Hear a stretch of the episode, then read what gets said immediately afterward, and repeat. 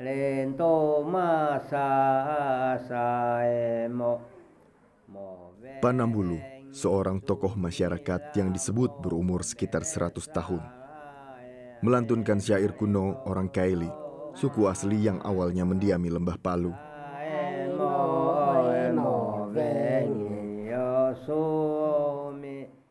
Kayori bisa berlangsung semalaman, meriwayatkan kejadian besar termasuk gempa, tsunami, dan likuifaksi. Panambulu masih ingat gempa dan tsunami yang dulu pernah terjadi di Sulawesi. Gempa sudah saya rasakan semasa kecil, dan kalau kita ada salah di dunia, pasti gempa terjadi lagi. Gempa ini dari perilaku kita di dunia, dan bisa terjadi bila kita melanggar adat.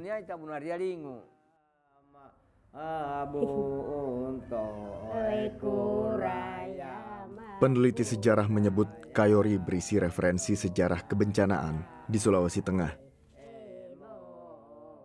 Salah satu peneliti yang mempelajari Kayori adalah Iksam Jorimi, seorang arkeolog yang memusatkan pada sejarah kebencanaan yang terlupakan.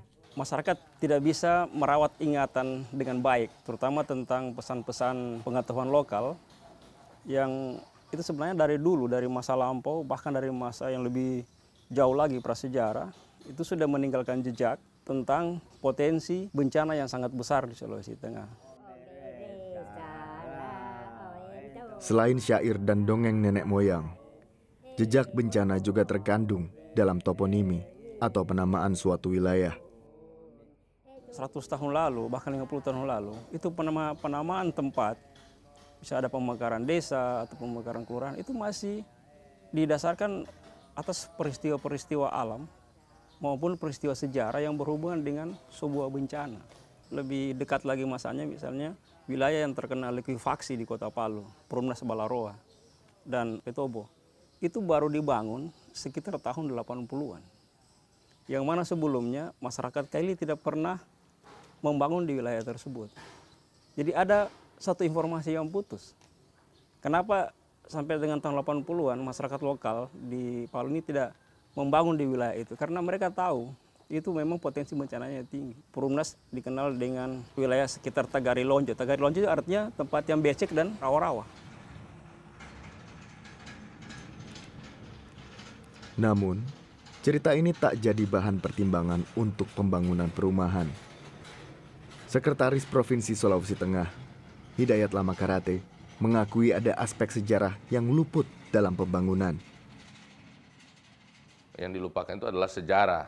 Sejarah tentang kondisi geografi wilayah Sulawesi Tengah yang memang sejak dulu sudah diketahui bahwa wilayah kita ini adalah wilayah yang rawan gempa, yang merupakan wilayah di dalamnya ada garis sesar yang sewaktu-waktu bisa mengganggu kondisi wilayah kita dari sisi gempa dan sebagainya. Bahkan kita juga punya sejarah, ada tsunami dan sebagainya.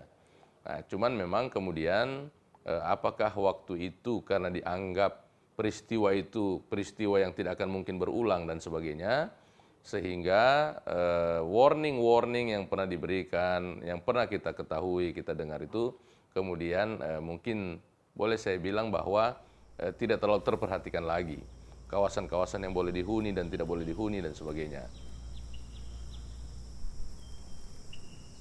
Menyusul bencana tahun lalu, pemerintah Sulawesi Tengah menerbitkan peta zona ruang rawan bencana yang dijadikan salah satu langkah mitigasi bencana. Peta tersebut juga menjadi acuan untuk memilih lokasi hunian baru bagi warga yang terdampak bencana. Meskipun begitu, Hidayat menyebut tidak ada area yang benar-benar aman bencana di wilayah Palu dan sekitarnya. Tidak ada orang mau tinggalkan kota ini. Mereka cuma bilang kami ingin tetap di sini. Tapi kami ingin mencari tahu bagaimana supaya kami bisa tetap aman ada di kota ini. Pembelajaran kemarin tentu akan menjadi catatan besar sekali bagi mereka. Oh jika terjadi seperti ini, kami harus melakukan apa? Jika terjadi seperti ini, kami harus melakukan apa? Kalau misalnya dia mengetahui bahwa daerah ini adalah daerah yang semua titiknya adalah zona merah, tentu mereka akan berpikir kalau begitu kita tinggalkan aja kota Palu. Tapi kan hari ini tidak begitu. Wilayah yang tahun lalu terdampak likuifaksi kini dibiarkan kosong. hanya tanaman liar yang terlihat mengering. Begitu juga dengan wilayah pesisir Palu, area yang tergerus gelombang tsunami tahun lalu. Sengaja dikosongkan dan sekarang termasuk zona merah alias sangat berbahaya.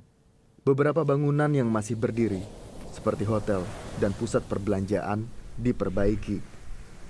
Meski pemerintah tidak merekomendasikan area itu untuk dibangun kembali. Secara fisik, pusat kota Palu kembali pulih satu tahun setelah bencana melanda. Namun warga masih ada yang khawatir bila bencana datang lagi. Tony Kendage, misalnya, dia mengatakan tidak akan meninggalkan Palu meski tempat tinggalnya kini rawan tsunami.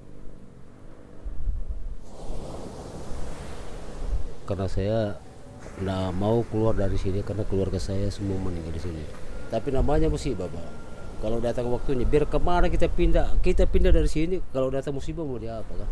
Berarti kalau kita punya aja tidak mungkin kita melawan yang di atas.